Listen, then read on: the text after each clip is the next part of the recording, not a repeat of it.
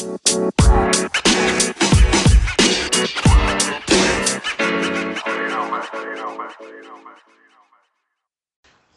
semua dan halo Vio. Hai Bob. Vio udah lama nggak ketemu ini sama Vio.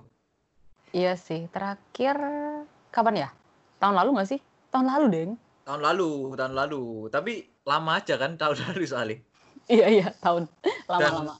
Le inget-inget Vio ini selalu aku itu kebayang cerita-ceritanya Vio gitu yang fantastik di mana-mana selalu selalu punya cerita gitu. Cerita-cerita kamu kerecehan gitu ya. Kayaknya setiap hari kamu share sesuatu kayak. Eh, nggak setiap hari juga sih, Bob. Tapi Tiap hari ya? iya. Tiap hari dul. Kayaknya kamu yang jarang. Oh, kamu sering nge-stalk IG ku, Bob. Apa? Fix. Kamu sering nge-stalk IG ku ya, makanya terus habis itu apa nih? Storymu itu kan keluar terus toh. Story kan kelihatan toh. Lek Iya, iya, Bob. enggak lah. Aku bahkan nggak tahu foto terakhirmu apa. eh aku nggak pernah nggak pernah ini sih Ancen. Oh, Nggak pernah upload foto. Upload foto. Males Nah, aku, banget. juga- aku pun nggak tahu kamu sering upload foto atau enggak. Aku tahu ya kamu sering upload story pokoknya. Iya sih. Iya iya iya. Vio, oke. Vio ini eh sosok yang dominan ya menurutku. Ya nggak Vi? Dari Maksudnya gimana sipil, ya, Bob? Bingung aing. Dari dari sipil. di sipil eh, selalu di atas rata-rata gitu kan IPK-nya. Majornya pun dari awal banyak cowok E gitu kan. Terus Hmm. kamu cewek dan bahkan sebagai cewek pun kamu persainganmu itu cukup cukup tinggi lah ya. Dengan IPK yang 3,8 gitu kalau boleh disebut angka. Eh, nggak sampai segitu Bob tapi ya terima kasih kalau berpikir setinggi itu Iya iya iya. Ya semester satunya lah gitu. iya semester satunya semester berikutnya terjun bebas Ya sama sih semua juga gitu sih sebenarnya. Iya Tapi sih. maksudnya semester satu itu kayak penentu gitu nggak sih kalau kuliah? iya bener Iya iya iya. Terus dari Petra lanjut ke dunia sipil konsultan ya, di.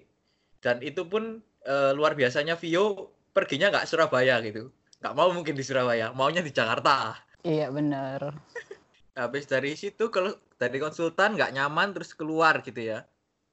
Pindah ke unicorn startup gitu ya.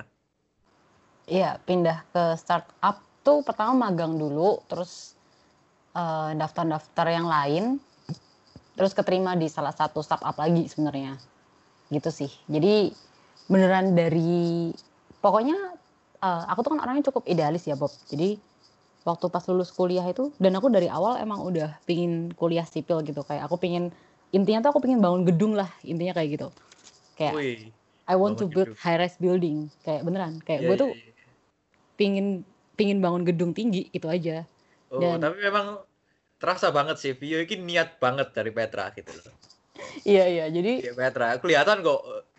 kelihatan ambi banget ya Iya, iya, iya. Aku tadi masih mencari kata-kata, tapi kamu melengkapinya sendiri. iya aku melengkapinya sendiri Bob because I I heard it quite a lot ya kalau memang kelihatan ambi dan ya aku ngakuin juga memang ambi gitu soalnya gue tuh tipe orang yang kayak kalau gue punya tujuan gue pasti bakal kejar itu saya mampus kayak gitulah Kelihatan Dari- dikejar sampai mampus. kelihatan ya Kelihatan ambisius sekali. dari, Dari, apa? eh, SMA. kuliah, kuliahnya pelajaran dikejar, terus jangan nggak lupa panitianya juga dikejar gitu. Semuanya Iya. dikejar Vio. Sampai nggak ada lagi yang rasanya yang bisa di eh, di nomor satu kan. sebenarnya panitia tuh lucunya ya kalau maksudnya kalau kebanyakan orang berpikir kan gila ya panitiaan tuh kayak bakal ribet banget gitu bakal stres banget nah justru aku tuh ikut panitiaan tuh soalnya tuh buat ngimbangin stresku gitu loh malah lucunya tuh itu. Oh, kalau orang Iya, lain iya, kan iya, biasanya kayak kamu nggak stres ta kayak lo kuliah sama lo kepanitiaan sama-sama kencengnya gitu kan. Kayak sama-sama sibuknya gitu. Kayak beneran bisa dari bisa dari pagi jam 7.30 kelas pertama kita sampai gua malam itu masih ada di kampus. Sebenarnya tuh gue panitiaan tuh buat ngimbangin stresnya gua belajar aja. Soalnya I'm I'm a Oh. people person dan gue suka Iya, banget iya, iya. sosialisasi. I get it. gitu Bob gitu Heeh. aja sih Kalau aku sama siapa? Teman Antoni, Jayati, Sam dan lain-lain. Kayak YOLO rasanya ya. Iya, kalau kalian kan orangnya lebih kayak chill-chill gitu kan. Pulang kuliah ke warnet. Ya itu masa lalu lah yang kelam. mungkin first thing first, Vi. Tell me why do you pick civil as your major? Karena kamu kan cerita juga tadi sempat awalnya disuruh masuk dokter kan? Tapi uh, karena beberapa alasan yang mungkin kamu bisa ceritakan juga, akhirnya kamu nggak jadi, terus kamu mau membangun gedung, masuk civil as a consultant gitu. Gimana itu ceritanya? Oke, okay, jadi um, aku tuh kan, jadi aku tuh anak tunggal Bob, to give you context dan. Oke, okay. terus? Dari dulu tuh, mama papaku tuh kayak nggak pernah yang mengarahkan aku yang kayak kamu harus jadi ini, kamu harus jadi ini gitu. Jadinya aku juga nggak punya cita-cita dari dulu serius. Bahkan waktu pas kecil, waktu hmm. pas aku ingat banget pas TK tuh aku pernah tanyain gitu kan sama guruku gitu kayak cita-citaku apa. Terus habis itu aku jawabnya jadi penjaga jalan tol dong. Literally sesimpel itu cita-citaku. Penjaga jalan tol yang yang ini loh, yang terima, terima uang sama terima kartu tol. Yang terima uang itu ya? Iya. Kenapa kamu mau jadi itu? Karena banyak megang uang gitu ya? Iya, soalnya aku mikir kayak, oh oke, okay, itu kayak pekerjaan yang cukup mudah, nggak butuh banyak berpikir. Terus kayak, okay. maksudnya dulu tuh aku mikir gitu kan, dan aku kan sering lewat tol gitu kan, jadi aku kayak, wah gila ya ada orang dibayar cuma buat terima duit kayak, kayak oke okay, maaf itu kayak cupu banget lah pokoknya gitu. Terus aku inget tuh, yeah, mam yeah. papaku dipanggil ke sekolah.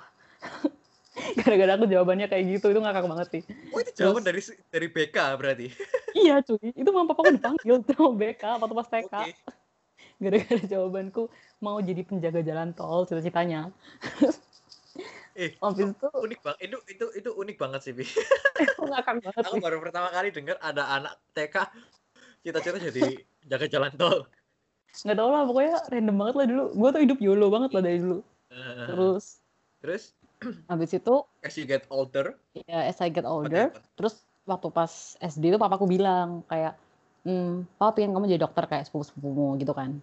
Ya udah, kayak yeah, sepupu sama tante-tante gue juga kan, tante om gue dokter juga. Jadi gue kayak, ya udahlah gue jadi dokter aja gitu kan. So, pokoknya bokap gue tuh mikirnya kayak gini. Bokap gue tuh notice kalau gue tuh cukup cepet belajar gitu lah intinya.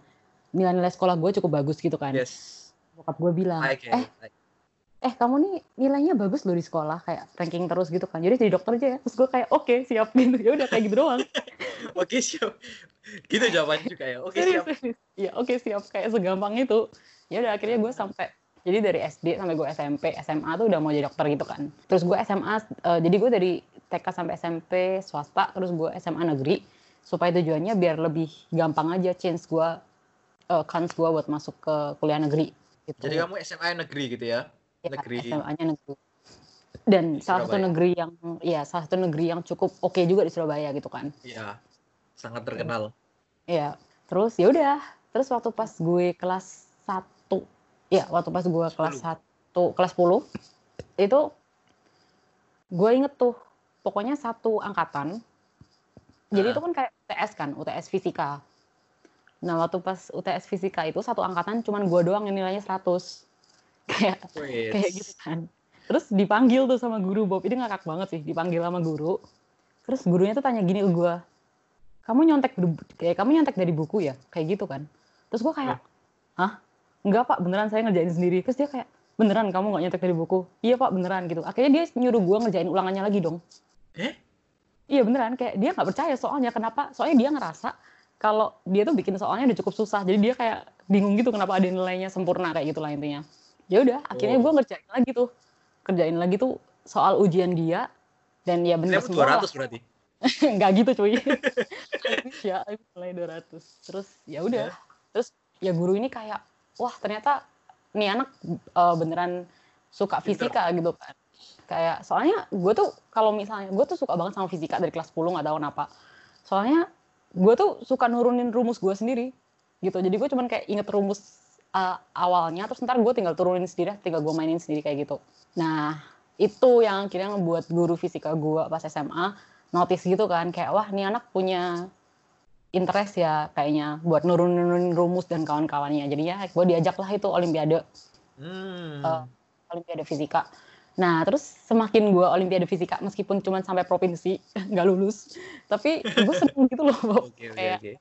gue notice gitu kayak gue nggak suka biologi tapi gue sukanya fisika dan matematika gitu kan ya, uh. nah itu tuh sempat drama tuh sama bokap gue yang kayak gue bilang gue kayaknya nggak mau deh kalau kuliah kedokteran. Soalnya kuliah kedokteran tuh pasti lebih banyak kimia sama biologinya kan. Sedangkan gue lebih suka fisika sama matematika gitu.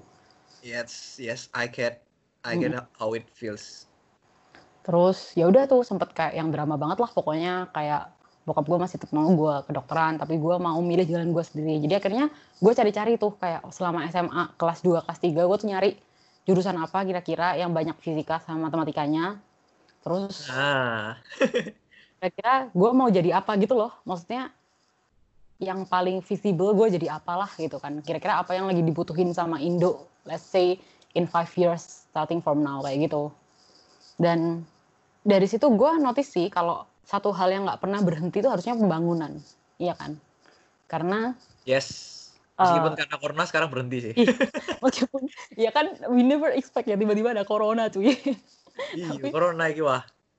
Sih. Cuman kan Indonesia kan negara berkembang, terus zaman pemerintahannya eh, dari Pak SBY sampai Pak Jokowi juga gencar-gencarnya infrastruktur kan. Jadi ini tuh in Iya. the long run tuh bakal jadi industri yang pasti bakal butuh resource gitu loh, kayak gitu.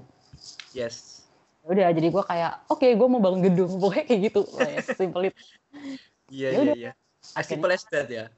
simple as that. Kayak gue, pokoknya gue waktu itu kayak, gue pingin bisa bangun gedung tinggi. Gitu aja sih, impian gue. Tapi pernah pernah nyoba masuk tes kedokteran nggak? Nggak pernah. Nggak pernah.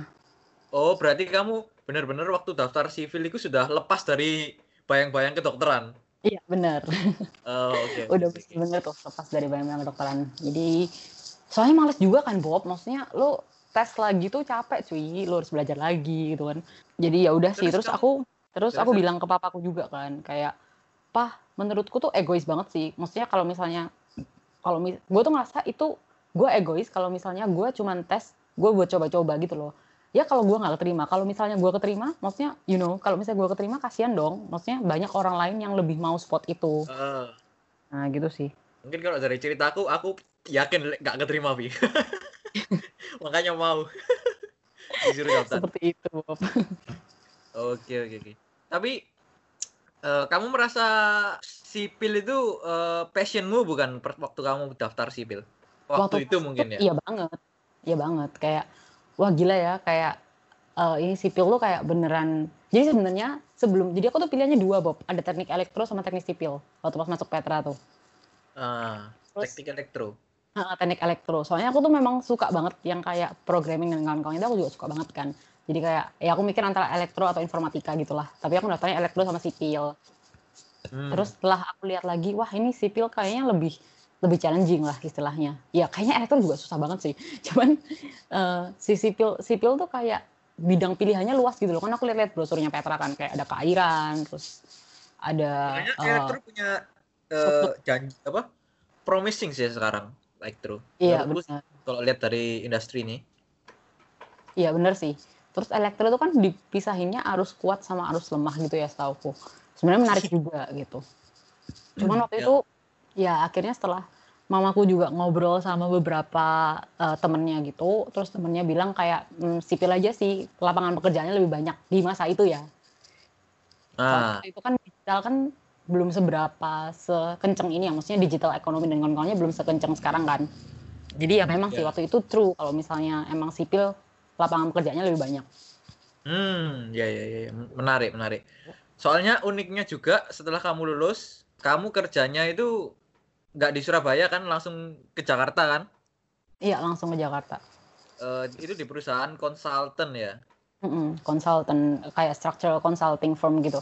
Saat kamu ngambil kerjaan itu, apa sih yang ada di pikiran waktu itu? Jadi Kenapa? Maksudnya minimal mungkin kamu eh, tell me kenapa kok kamu milihnya Jakarta? Kenapa nggak eh, Surabaya? Dan kenapa kamu kok langsung mau ke Jakarta gitu? oke menarik. Jadi ini sebenarnya ada ceritanya Bob. Kan Oke. Eh, aku tuh sebenarnya dari dulu udah pengen kuliah keluar Surabaya Oh. gitu. Jadi papa Ya, kan ya, bilang ya. kan kayak ya udahlah kamu kan udah SMA negeri, kamu kuliah daftar ITS aja, papaku bilang kayak gitu. Terus aku bilang kayak enggak aku mau ITB gitu kan. Terus bokap dari Oh, maksudnya bokap nyokap bokap nyokap gue itu nggak nggak mau ngebiarin gue keluar dari rumah intinya kayak gitu aja soalnya kan gue anak perempuan dan satu-satunya ya kayak anak tunggal dan anak perempuan gitu jadi mereka pingin intinya pingin lama lah gue tinggal di rumah kayak gitu Bob Harus di Surabaya intinya iya harus di ya. Surabaya terus Ya, eh, IDP. Terus? Iya, terus habis itu bokap gue kayak bilang, ya udah kamu, jadi yang kamu tadi tanya, kamu nggak daftar kedokteran lagi, Vi? Nah itu papaku nyuruh aku daftar kedokteran sebenarnya. Terus ya alasanku tuh yang pertama nggak adil juga kalau misalnya siapa tahu ntar kalau misalnya aku terima kan kasihan juga yang lain kan yang lebih Ya, yang lebih pingin, slot ya. ya mengurangi slot. Terus sebenarnya tuh yang kedua tuh kalau misalnya aku nolak, maksudnya aku udah daftar keterima dan aku mundur tuh itu bisa kayak pengaruh ke adik kelasku juga gitu loh. Maksudnya Ya, nama alumni pasti jadi jelek kan. Iya di blacklist. Jadi ya itu itu bakal nggak adil buat semua orang lah menurutku. Terus tapi aku bilang ke papaku, tapi pah kalau misalnya aku boleh kedokteran UI aku mau sih. Aku bilang kayak gitu kan. Pokoknya intinya gue cuman mencari cara supaya gue keluar dari rumah aja gitu.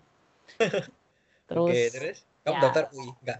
enggak nggak boleh boro-boro daftar, nggak boleh sama pokoknya nyokap gue keluar Oh, ITB juga boleh berarti? nggak boleh gitu. Oh, Terus ya udah akhirnya dari awal aku bilang tuh ke mama papaku, "Eh, mah pah, oke, eh, aku sekarang kuliah di Surabaya, tapi jurusannya terserah kamu. Iya, jurusannya terserah aku. Waktu itu udah, maksudnya waktu itu papaku udah agree ya buat aku masuk teknik sipil. Tapi aku kalau misalnya kerja aku mau di Jakarta.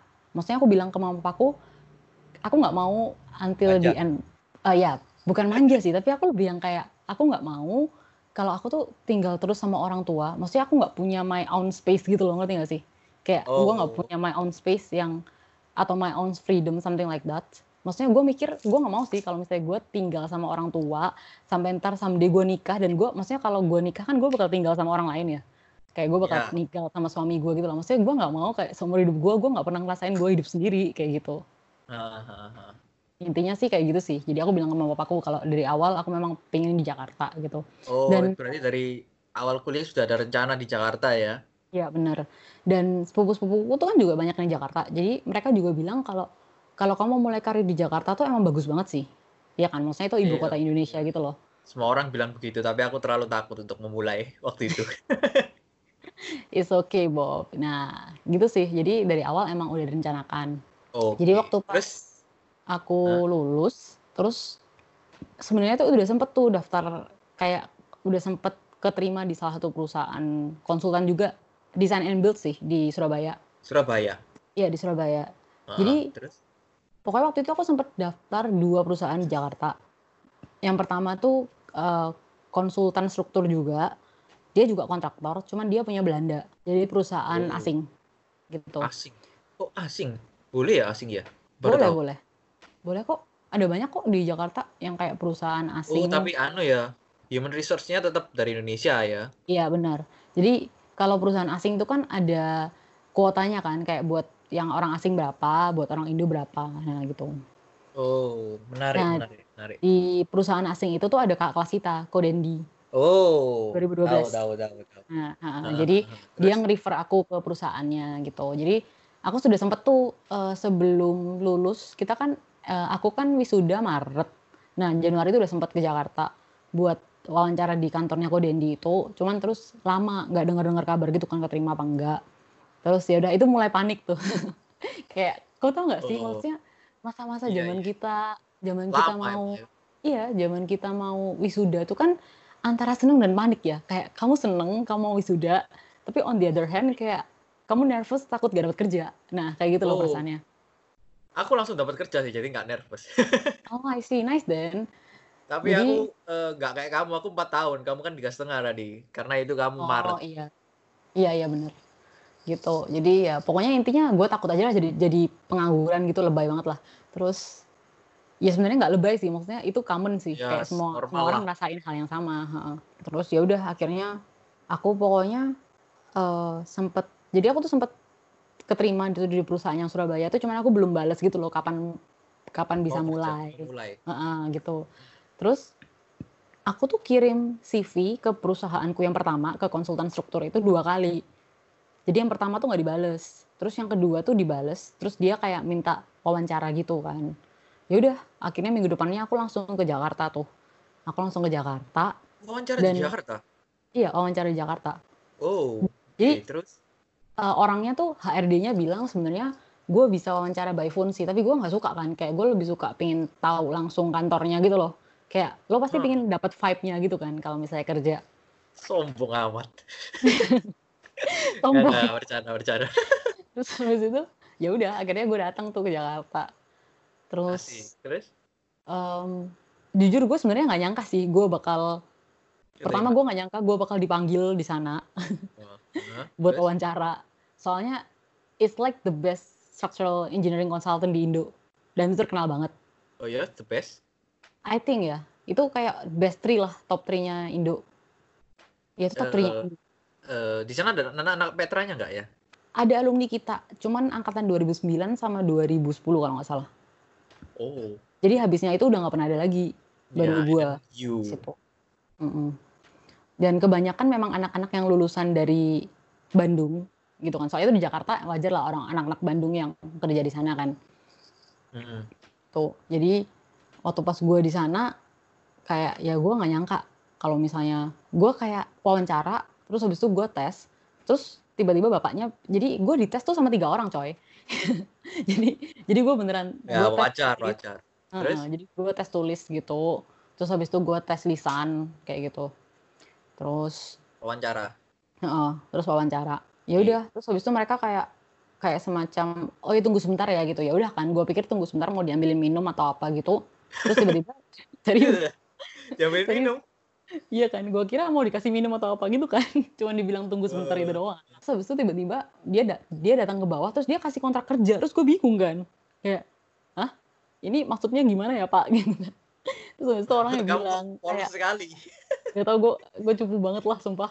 Terus habis itu bapaknya bilang gitu loh ini kamu keterima loh. Terus gue kayak loh iya tak pak? Gitu kan. Maksudnya gue tuh ngerasa waktu pas gue ngerjain tes tuh kayak nggak seberapa bisa gitu ngerti gak sih Bob kayak Iya, iya, iya, iya. keterima cuy jadi gue kayak oh wow oke gitu ya Tapi udah nggak seberapa bisamu itu beda, Mbak. Nggak seberapa bisa aku loh, Bi. kalah Bob Iya, iya, iya, Ya, iya. Oke.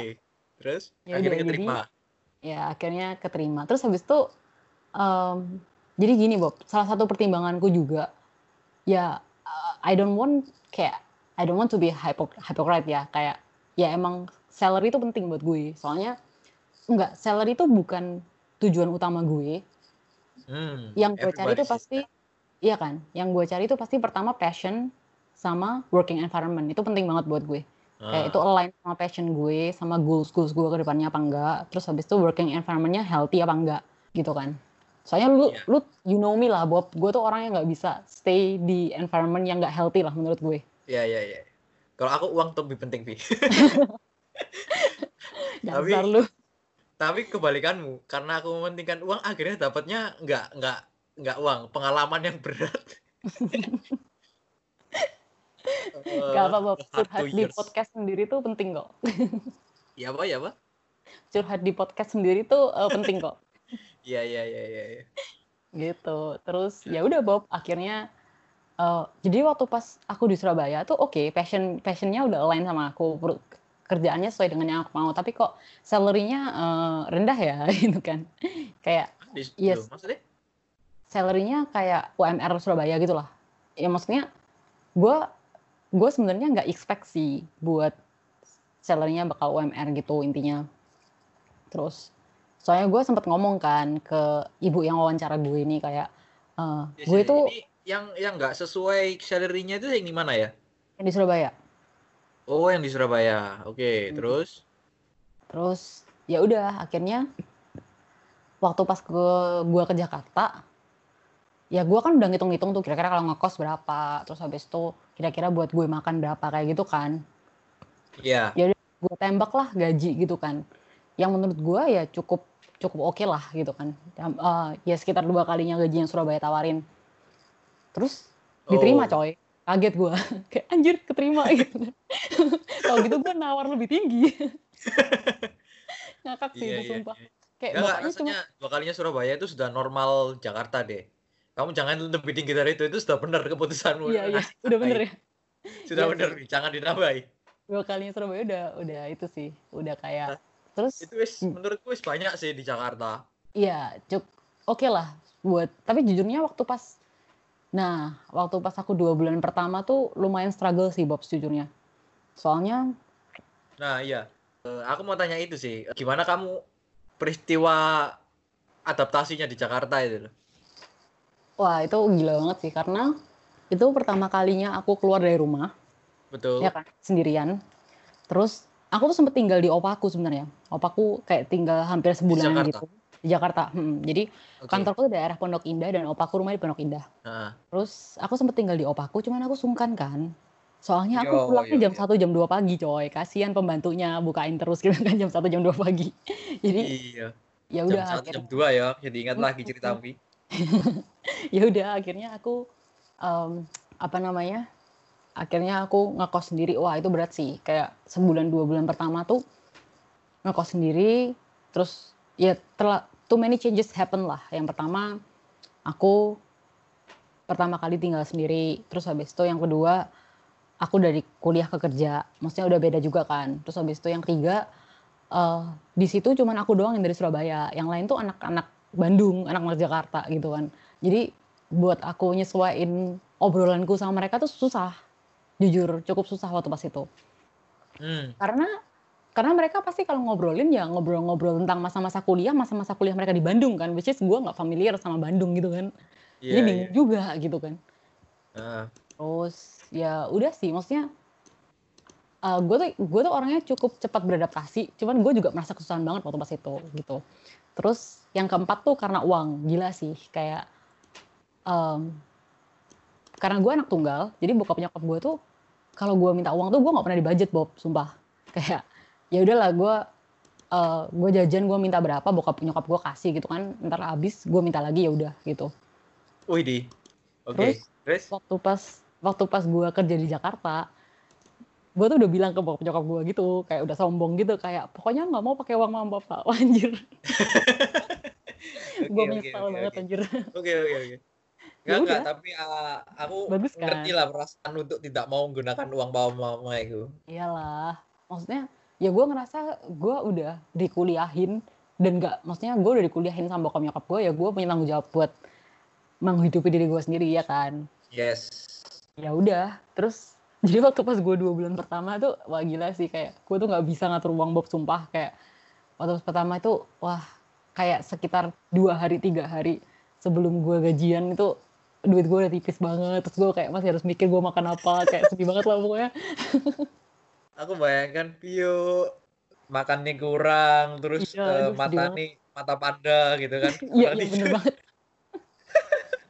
jadi sedih banget lah pokoknya. Terus setelah dua bulan itu gimana? Apa ada peningkatan apa tetap atau tambah stres atau gimana? Nah, setelah dua bulan itu baru aku udah mulai lembur, Bob. Terus aku kan Oh. dapat uang lemburan. Heeh. Jadi kalau jadi gini, secara yang yang lucu tuh waktu pas dua bulan tuh aku lebih ada work life balance lah. Kayak aku bisa pulang jam 8 malam, jam 7 malam gitu kan. Dari jam 8 pagi jam kerjanya. Tapi setelah dua bulan, waktu pas aku lembur, kan uang lemburnya tuh lumayan banyak ya. Nah, jadi secara financial aku oke, tapi secara badan dan secara mental nggak oke. Kayak Iya, nggak iya, imbang iya. banget. Dan- Gara-gara Dan karena Gila. lembur-lembur itu kamu sendiri sebenarnya nggak bisa pakai uangmu. Jadi iya iya makanya financialnya oke. makanya financialnya oke kan gitu jadi udah gitu kalau weekend tuh udah terlalu capek buat ke mana-mana juga gitu loh jadi ya dan kadang-kadang Emang weekend gue masih kerja Ah, weekend masih kerja. iya kadang-kadang weekend gue masih lembur di kantor jadi kayak kerjanya banyak banget lah pokoknya terus ya udah seiring berjalannya waktu nah itu gue mulai mikir sih tepatnya di bulan ketiga tuh gue mulai mikir kayak is this something that I really want to do for the rest of my life you know Ah, iya iya iya. iya. kayak gue mulai mikir gitu oke gue gue suka banget Bob sipil gue suka banget ngitung-ngitung gitu kan gue suka banget waktu pas gue harus ngitung terus habis itu gambar pondasi gue jadi terus gue tahu pondasinya tuh lagi dibangun gitu kan kayak gue seneng banget cuman Iya iya iya. cuman gue kayak mikir "Ah, is this what I want to do for the rest of my life ya gitu. terus gue sempat consult sama my parents dan bokap gue bilang kayak gini kamu ada pikiran buat bikin konsultan sendiri nggak gitu kan terus gue bilang "Hmm, nggak tahu sih pak I'm not sure about it terus habis itu bokap gue bilang kalau misalnya kamu nggak ada pikiran buat bikin konsultan sendiri ya ngapain kamu lama-lama di situ papaku bilang kayak gitu Yes. terus aku mikir Ya. iya bener juga ya And that's why you quit. Iya sebenarnya triggering faktornya banyak sih. Jadi yang pertama aku mulai, maksudnya aku mulai rethinking my life goals.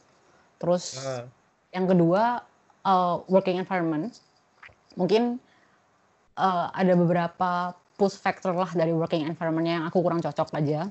Terus jadi ada banyak faktor sih yang kayak akhirnya nge-trigger aku buat resign Hmm. gitu. Dan aku tuh resign dalam keadaan aku belum punya kerjaan baru. Ya, ya, ya. Tapi Ya itu udah. entah mengapa ya, Bi, meskipun orang-orang bilang eh ris sebelum resign itu harus cari kerja, cari kerja, cari kerja. Cuma aku sendiri juga merasakan sih, eh kamu mau cari kerja eh, dalam kondisi kamu kerja sama orang lain itu entah mengapa aku merasa nggak etis yo. Terus kayak terbebani nggak sih?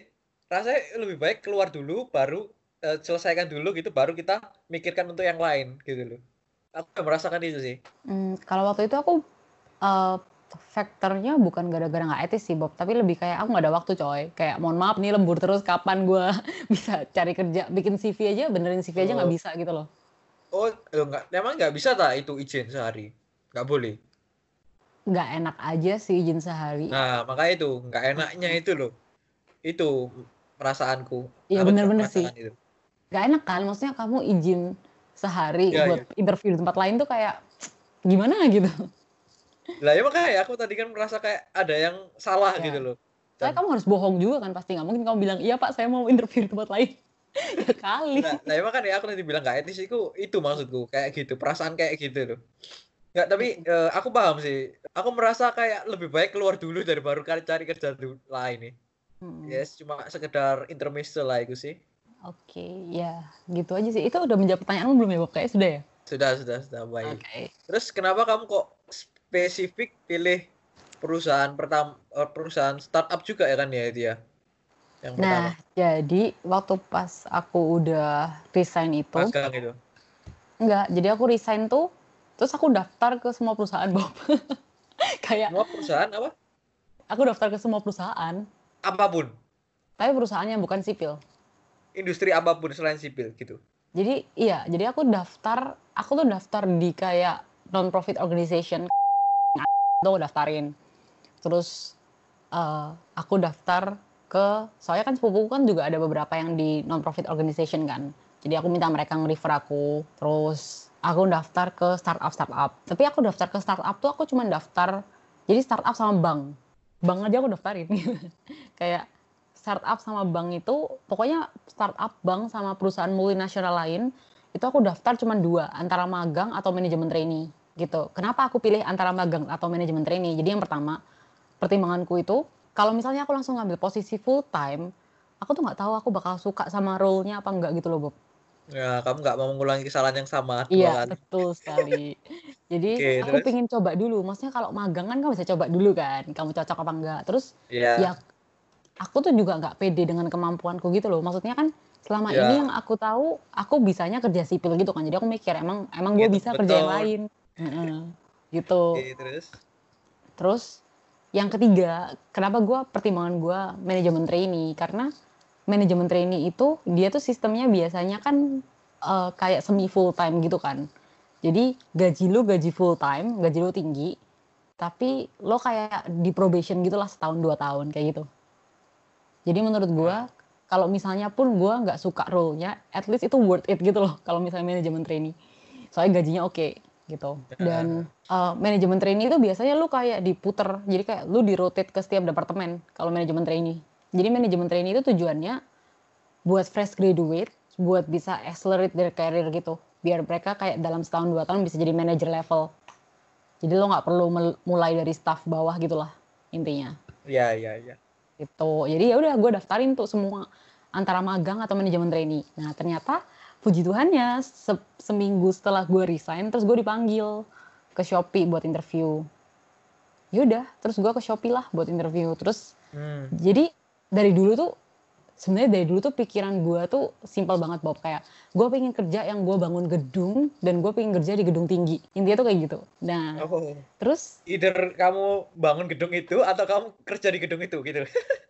gue pengen dua-duanya sih gue pengen bisa bangun gedung tinggi terus habis itu gue kerja di gedung tinggi kayak gitu kan Oh, oke oke oke. Oh, berarti Terus? kamu berhasil dong. nah terus tapi yang ada di plan gue itu gue bakal kerja di struktur kan udah bener tuh gue kerja di struktur kan gue udah bangun gedung tinggi tuh terus Iya. gue pikiran kayak gue mau S2 terus habis itu habis S2 ntar gue balik ke Jakarta jadi di Jakarta tuh ada salah satu perusahaan eh, konsultan asing gitu dari Inggris nah itu tuh dia tuh kantornya tuh di gedung tinggi kayak di salah satu gedung yang paling keren di Jakarta lah menurut gue jadi gue tuh pingin banget masuk ke perusahaan itu Oh. gitu Bob. Tapi kalau misalnya lu masuk perusahaan itu, lo beneran harus kayak yang udah S2 dan udah berpengalaman gitu lah. Soalnya kompetisinya tinggi banget buat masuk perusahaan itu. Jadi gue kayak pingin banget gitu kan.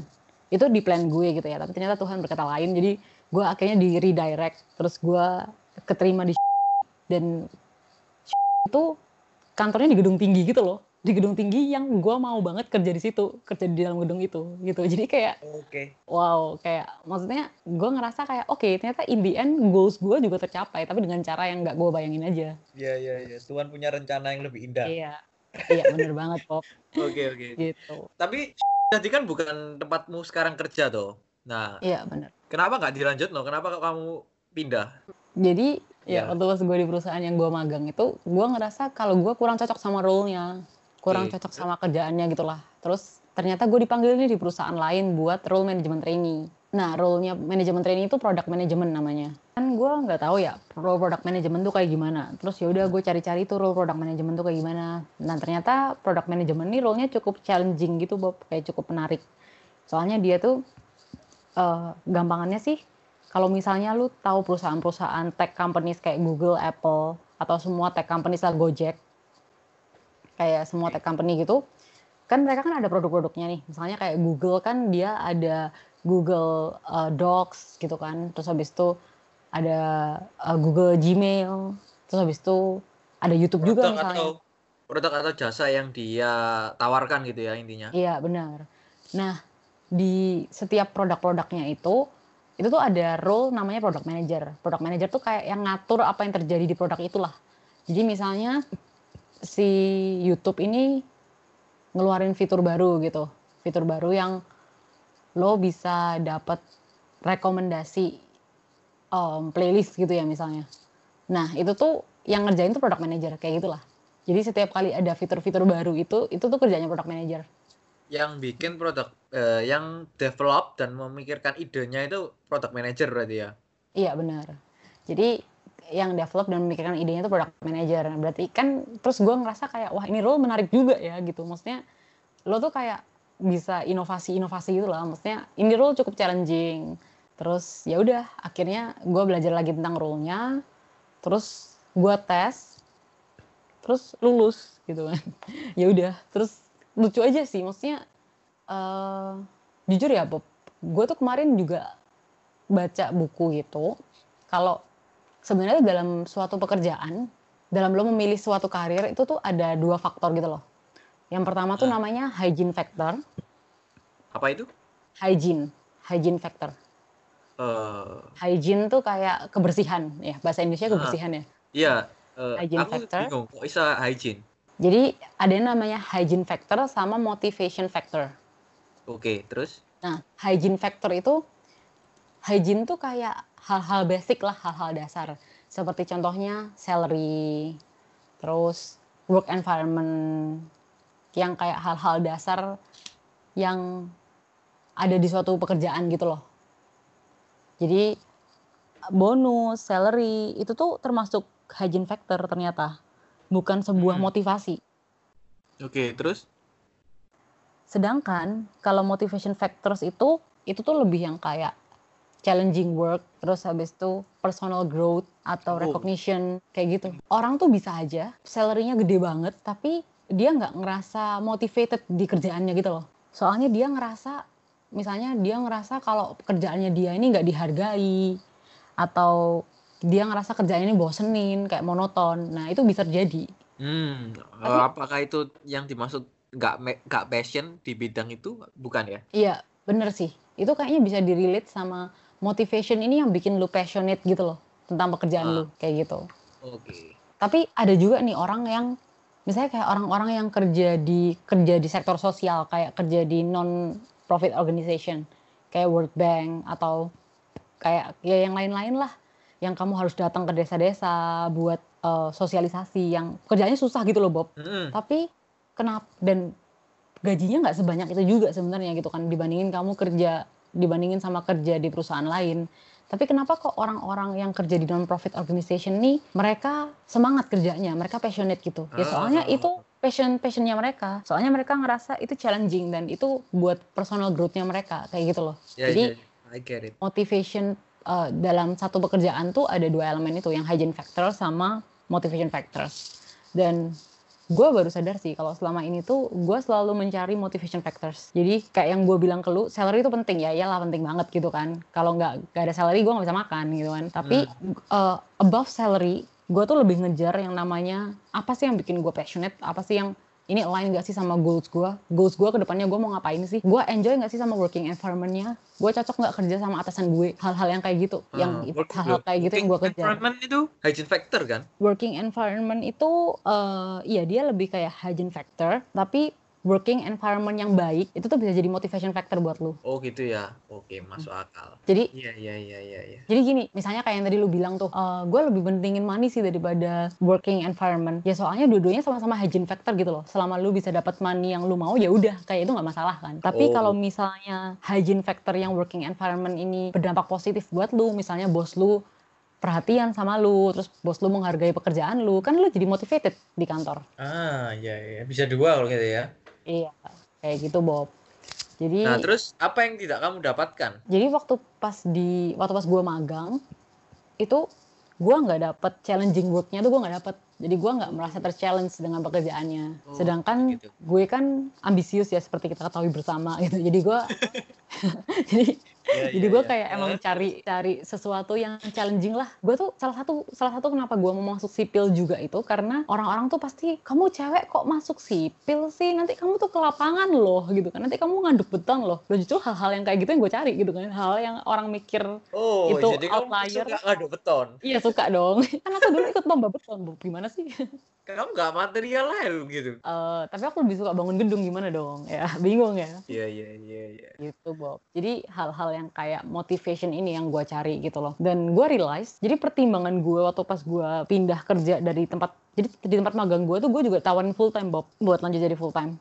Terus eh, ya udah kan, jadi waktu pas aku ditawarin full time kan tuh sempet galau tuh bakal lanjut di sini atau bakal terima offer yang dari perusahaanku sekarang.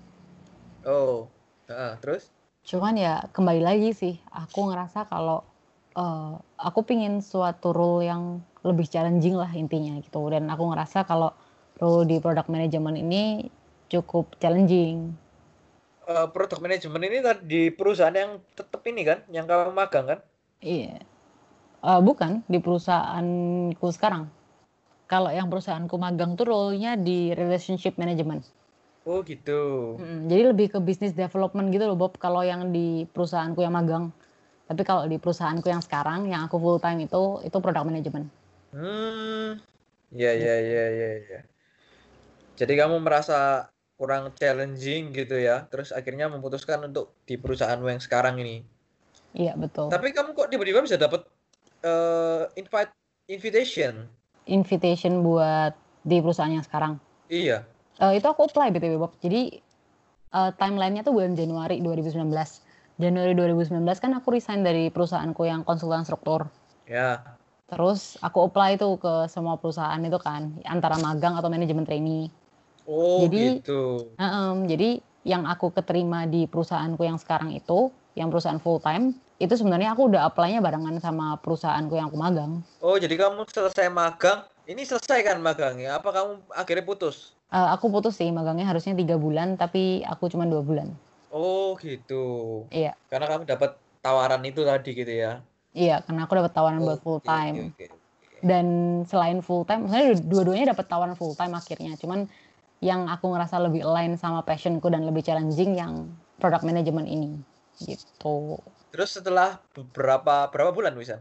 Ini Tahun. sudah setahun setengah sih ya. Iya, Mei, Juni, Juli. Tahun setengah? Iya, aku mulai di Berarti product management itu April, Si, kamu di perusahaan konsultan itu berapa lama?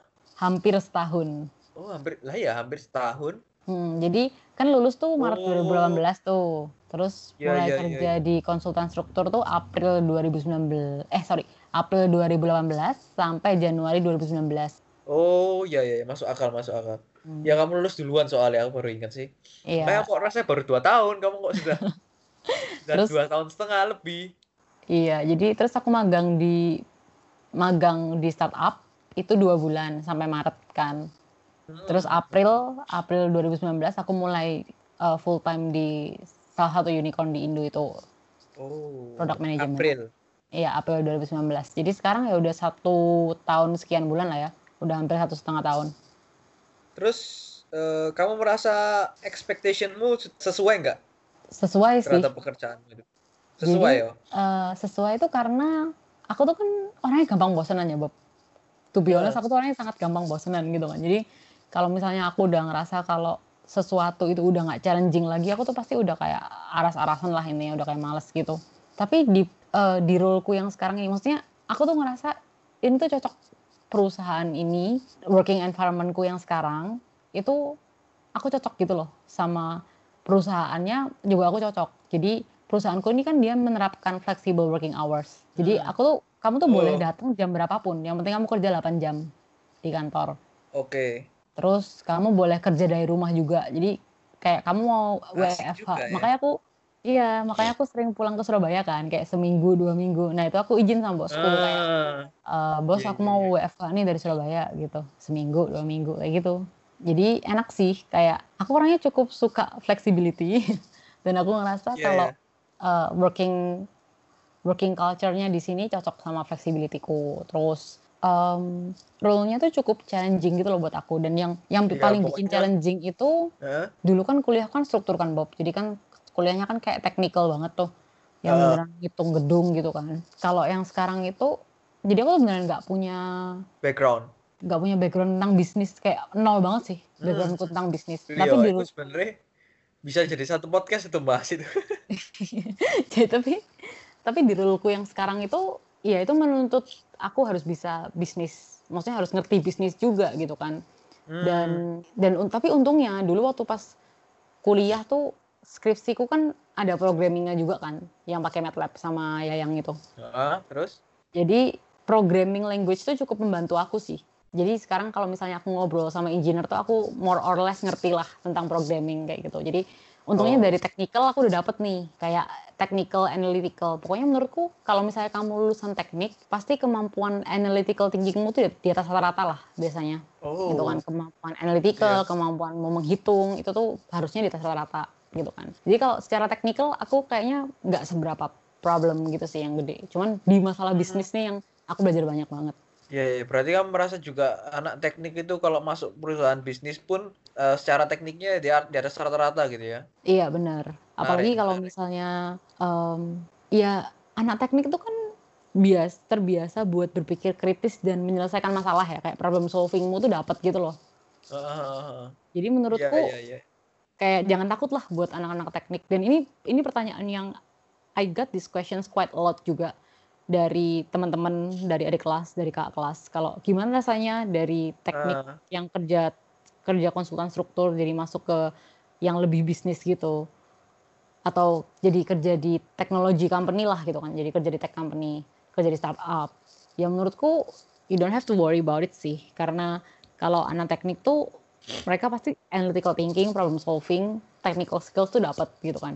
Cuman mungkin yang lebih harus dipoles lagi tuh anak teknik pasti kurangnya di communication ya kan communication skill itu yang harus dipoles banget kamu enggak ya? enggak sih Bob jujur aku struggle banget loh waktu pas Oh, awal-awal tuh oh. buat communication skill jadi aku yang secerewet ini pun dan seaktif organisasi ini pun itu tuh aku masih struggle sebenarnya waktu pas awal-awal gitu Oh gitu jadi ya. communication sama bisnis sih yang tinggal bisa belajar lagi Hmm, iya sih. Kita kita memang di sipil adanya ujian, nggak ada presentasi gitu kan. iya bener banget bener banget Iya, ya kerasa. Iya, iya, masuk akal sih, masuk akal. Nah, last question mungkin Vi, Kivi. Oke. Apa yang kamu mau di masa depanmu? Maksudnya, what do you want in the near and or for future? Hmm, sejujurnya ini juga masih pergumulanku sih Bob. Nah, ini, Kayak ini pertanyaan makanya, ini ultimate nih. Iya ya, I mean Aku tahu ini pertanyaan yang susah. ini susah banget sih. Even in my state now, jujur ya, dari dulu tuh aku ngerasa mungkin aku juga terinspirasi dari mama papaku sih. Mama papaku tuh bukan orang yang gila mencari uang. Serius, mereka tuh biasa aja. Kayak eh, mereka tuh, maksudnya papaku tuh nggak pernah yang kayak harus kerja, yang mentingin kerjaan dari pagi sampai malam sampai nggak bisa ketemu sama keluarga. Papaku bukan orang kayak gitu gitu kan. Papaku Tapi kerja ya kerja, Termasuk melek finansial nggak? nggak juga Oke, terus gitu kan. Jadi jadi papa iya papaku tuh biasa-biasa aja orangnya gitu kan yang kayak family Pokoknya- oriented. family oriented tapi papa mamaku tuh eh, konsepnya pokoknya as long as mereka bisa provide buat keluarga dan buat aku yang terbaik gitu kan ya mereka nggak bakal yang ngejar uang sampai segitunya gitu loh pokoknya selama mereka punya cukup ya udah gitu kan Eh, soalnya iya. menurut mama papaku tuh uang tuh bisa dicari gitu loh tapi waktumu kebahagiaanmu tuh itu something yang kamu nggak bisa dapat lagi Eh, aku kalau merasa saya- ya, Vi. Mm. eh, orang Surabaya lebih lebih kayak gitu daripada orang Jakarta. Hmm, kok bisa gitu eh kalau Jakarta itu kayak baru kayak baru-baru ini gitu loh. Dia eh, dari dulu kan fokusnya u- apa namanya kerja kerja kerja tuh kalau di Jakarta itu rasanya. Bukti ini sampai aktif banget tuh ibu kota ini. Mungkin karena faktor ibu kota tadi itu sih. Kan jadi ini eh, banyak tekanan. orang-orang Jakarta tuh workaholic banget sih memang dan kompetitif banget. Maksudnya if you want to find the best talents itu di Jakarta pasti. Kalau di Indo lo ya. Kayak Iya, maksudku itu, maksudku itu. Kamu- Maksudku workaholic itu loh eh, lebih jauh daripada orang Surabaya. Tapi lek di Surabaya itu at least lek kamu dari Surabaya itu Surabaya itu kayak eh, minimum untuk secara finansial oke gitu loh. Terus iya aku merasa gitu sih. I Mungkin kamu jadi lebih slow gitu ya, nggak yang terlalu Iya, workaholic kayak- gitu. kayak di Jakarta loh aku lihat tuh eh hype nyari uang itu bener-bener gila sih. Aku nggak tahu ya hype cari uang atau memang orangnya kompetitif aja sih Bob menurutku. Hmm, Jadi menurutku tuh ya nggak tahu, tapi terlihatnya seperti itu. Mm-mm. Jadi ya memang kerja pasti buat cari uang ya. Tapi eh, gimana ya? Kalau misalnya kamu di Jakarta itu, kamu tuh bersaing tuh nggak cuman sama talent-talent dari alumnimu doang gitu. Tapi kamu bersaing sama yang pertama expat yang datang dari luar negeri ke Indo, gitu kan. Terus Hmm. yang kedua anak-anak Indo yang kuliah di luar terus habis itu balik kerja di sini. Terus yang ketiga, anak-anak Indo yang kuliah di luar, kerja di luar, terus balik di sini. Jadi banyak banget orang-orang yang, I mean, selama gue di Jakarta, I met a lot of bright people gitu loh.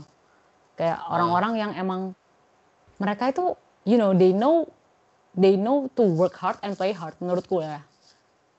Ah, iya Gitu. iya iya iya. iya. Jadi, Iya sih. I mean, bos-bosku itu bos-bos yang sangat uh, performance-nya di kantor tuh sangat oke, Bob, gitu kan. High performing banget. Tapi mereka di keluarga juga keluarganya nggak kekurangan kasih sayang gitu loh. Oh, Kayak masa? bisa balance aja. Oh, iya iya iya. Berarti sudah jauh lebih maju berarti ya. Kayaknya sih gitu ya kalau Iya iya. sekarang. iya. Atau aku nggak tahu ini di perusahaanku aja atau di perusahaan lain juga. Soalnya kalau di perusahaanku mungkin karena flexible working hours ya. Jadi kamu lebih bisa Ah. ngatur waktu sama keluarga gitu loh, Bob. Iya iya iya. Sih, Karena memang. menurutku emang profesional sama personal tuh harus imbang, Bob. Kayak kamu nggak bisa terlalu berat di salah satunya gitu. Terus kalau ditanya tentang tujuan, jujur sampai sekarang tuh aku masih bingung, Bob, sumpah. Yang kayak Mungkin Eh. yang paling dekat dulu. Kamu masih betah apa mau ada rencana pindah? aduh parah, parah banget nih, Bob. Ini ini paling paling depan ini harus kamu putuskan dulu Paling untuk depan tahu ya. goals belakangnya kan? Enggak dah. Jadi sebenarnya aku udah ada sempat offer sih dari tempat-tempat lain, terus sempat wawancara di tempat-tempat lain juga. Dan selama ini dan sampai sekarang aku masih ngerasa, jujur ya Bob, eh, ini agak curhat sih sebenarnya. Tapi aku ngerasa itu cari bos yang baik itu tuh susah banget Bob serius Oh. cari cari bos yang beneran bos yang mau ngajarin kamu dengan tulus bos yang seneng kalau misalnya kamu berhasil tuh susah banget buat punya atasan yang baik lah intinya yang emang Oh. tulus mau ngajarin kamu gitu kan yang menghargai usaha-usahamu bos yang eh, bisa istilahnya melindungi kamu kayak gitu tuh susah banget menurutku ya. Dari berdasarkan aku udah kerja di tiga tempat nih. Jadi aku udah ngerasain kan beberapa model bos. Dan di tempatku yang baru nih aku udah ganti bos dua kali juga. Tiga kali malah kayaknya. Jadi aku Hmm. tahu gitu kalau buat dapet bos yang baik itu tuh susah banget. Buat dapat bos yang kamu bisa jadiin panutan tuh susah banget. Dan itu hal yang kamu nggak bisa gantiin sama apa pun gitu loh. The learning terus kayak personal connection itu tuh hal yang kamu nggak bisa dapetin jadi salah satu hal yang mau membuat aku stay di tempatku yang sekarang itu tuh karena bosnya sih, karena aku cocok banget kerja sama bosnya dan aku belajar banyak dari bosku. Oh, justru karena bosnya ini ya. Iya. Yang pertama karena role-nya, role-nya aku suka banget, product management. Heeh, terus? Terus yang kedua karena bosnya ini sih. Jadi meskipun di divisiku ya Bob ya, di divisiku tuh dulu ada tiga orang Bob. Cuman karena ya corona ini terus habis itu layoff dan kawan-kawannya dia cuma tinggal aku sendiri. Oh, gitu. Dan- mengen- mengenaskan. mengenaskan ya. Terus pekerjaannya agak mengenaskan semua jadi ke saya gitu. Kayak Ya, berdarah-darah ini. mengenaskan ya. Iya. Jadi wah berdarah banget berdarah-berdarah banget sih Bob. Jadi waktu pas Ya, awal-awal semua. tuh iya waktu pas awal-awal tuh beneran eh, mana di tim-tim lain kan juga pada berkurang kan orangnya. Jadi kita kayak ke eh, orang-orang yang stay ini kayak kelemparan kerjaan-kerjaan yang kita nggak ada konteksnya gitu loh. Ini kerjaannya ngapain udah sampai mana gitu. Itu sih yang aku sempet kayak demotivated banget. Terus sempet kayak aduh gila capek banget kerja ini ini ini gitu. Cuman nah itu Bob karena aku suka sama role-nya aku suka product management terus bosku juga nge-support aku banget selama aku masa transisi eh, kayak PSBB transisi jadinya ya kayak selama aku masa transisi yang aku belajar lagi tentang project-project lain yang dihandle sama atasan-atasanku dulu yang kena layoff. Jadi aku tuh sadar gitu sih kalau wah gila sih kayak lo bisa dapet bos yang baik tuh yang lo bisa belajar banyak itu susah banget gitu. Jadi Hmm, kalaupun aku mau pindah itu pasti aku bakal cari intinya sih yang aku cari itu learning ya kalau misalnya aku sudah ngerasa cukup di tempatku yang sekarang kayak aku udah cukup merasa cukup belajar di tempatku yang sekarang ya aku pasti tertarik sih buat pindah ke tempat lain. Gitu aja. Cuman karena sekarang aku masih belajar banyak di tempatku yang sekarang jadi I will stay lah for some time. Oke, jadi maybe you should be your own boss, V. Iya, iya itu sempat kepikiran juga serius yang kayak eh, aku mau, maksudnya aku sempat kepikiran, jujur aku sempat kepikiran aku mau MBA sih, bukan merit by accident ya, tapi Master of Business Administration. Ada banyak singkatan ya MBA sekarang. Iya, ada banyak singkatannya gitu. Aku sempat mikir sih mau ambil MBA Master of Business Administration, cuman ya itu masih, maksudnya ada banyak pikiran lah yang kayak aku mau ambil MBA. Soalnya MBA kan juga bisa uh, strengthen your credential kan, buat kalau kamu mau jadi entrepreneurship gitu loh. Kayak kamu jadi entrepreneur, ya, kayak gitu. Jadi ya sempet ada banyak pikiran lah Bob yang kayak aku mau MBA lah, aku mau inilah, aku mau itulah gitu. Cuman ya Menarik. Masih dipikirkan. Hmm, iya, tapi memang kita masa-masanya memang menghadapi quarter life cri- crisis ya emang ya.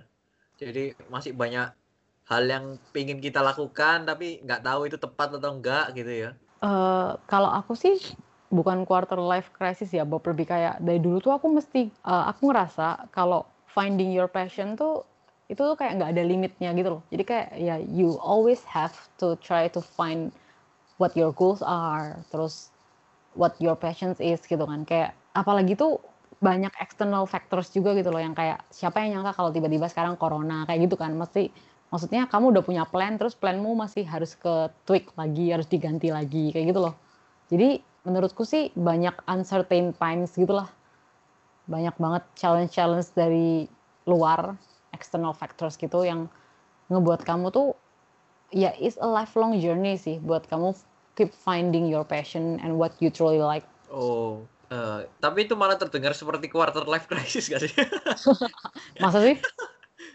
iya gak sih? Eh, soalnya aku sudah mengalami ini dari sebelum aku quarter life crisis, jadi kayak atau gua doang ya kayak gitu ya.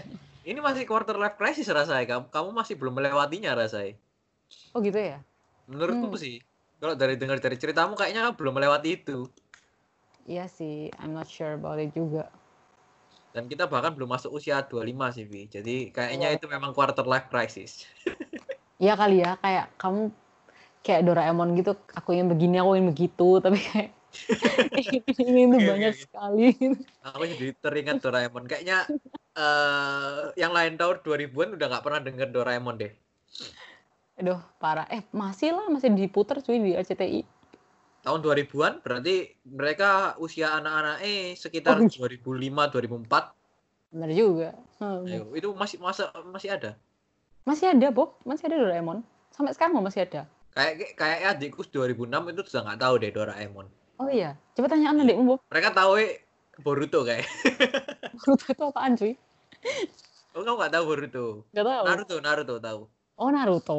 Iya, tahu tahu. Kayak anaknya. Oh, sumpah, Naruto punya anak. Duh, Makanya itu. Aduh, kelihatan banget ya umurnya ya. Sebenarnya Iya. masih banyak sih eh, yang mau tak tanyakan, tapi kayaknya waktu tidak daripada terlalu panjang nggak ada yang mau dengerin, mending kayaknya sekian dulu. Siap, siap. Thank you ya, Bob. Sudah telepon. Ini telepon berapa jam, cuy? Satu setengah jam. Wow. eh hampir dua ya kayaknya. Hampir dua ya? Oh iya, Deng. Eh, BTW aku sih harus saying thank you. thank you sudah meluangkan waktu. Dari kemarin kayaknya Vio ini sibuk sebenarnya, tapi nyempet-nyempetin gitu kayak. Iyalah, apalah yang nggak buat Bobby ya. Kayak lek, Agak sibuk ya bacot gak ya. bakal ngomong ngono sih. Sial lu, Bob.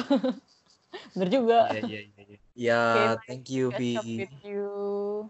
Ya gitu. Iya, bye Bob. Semoga sukses ya Bob podcastnya dan pekerjaannya.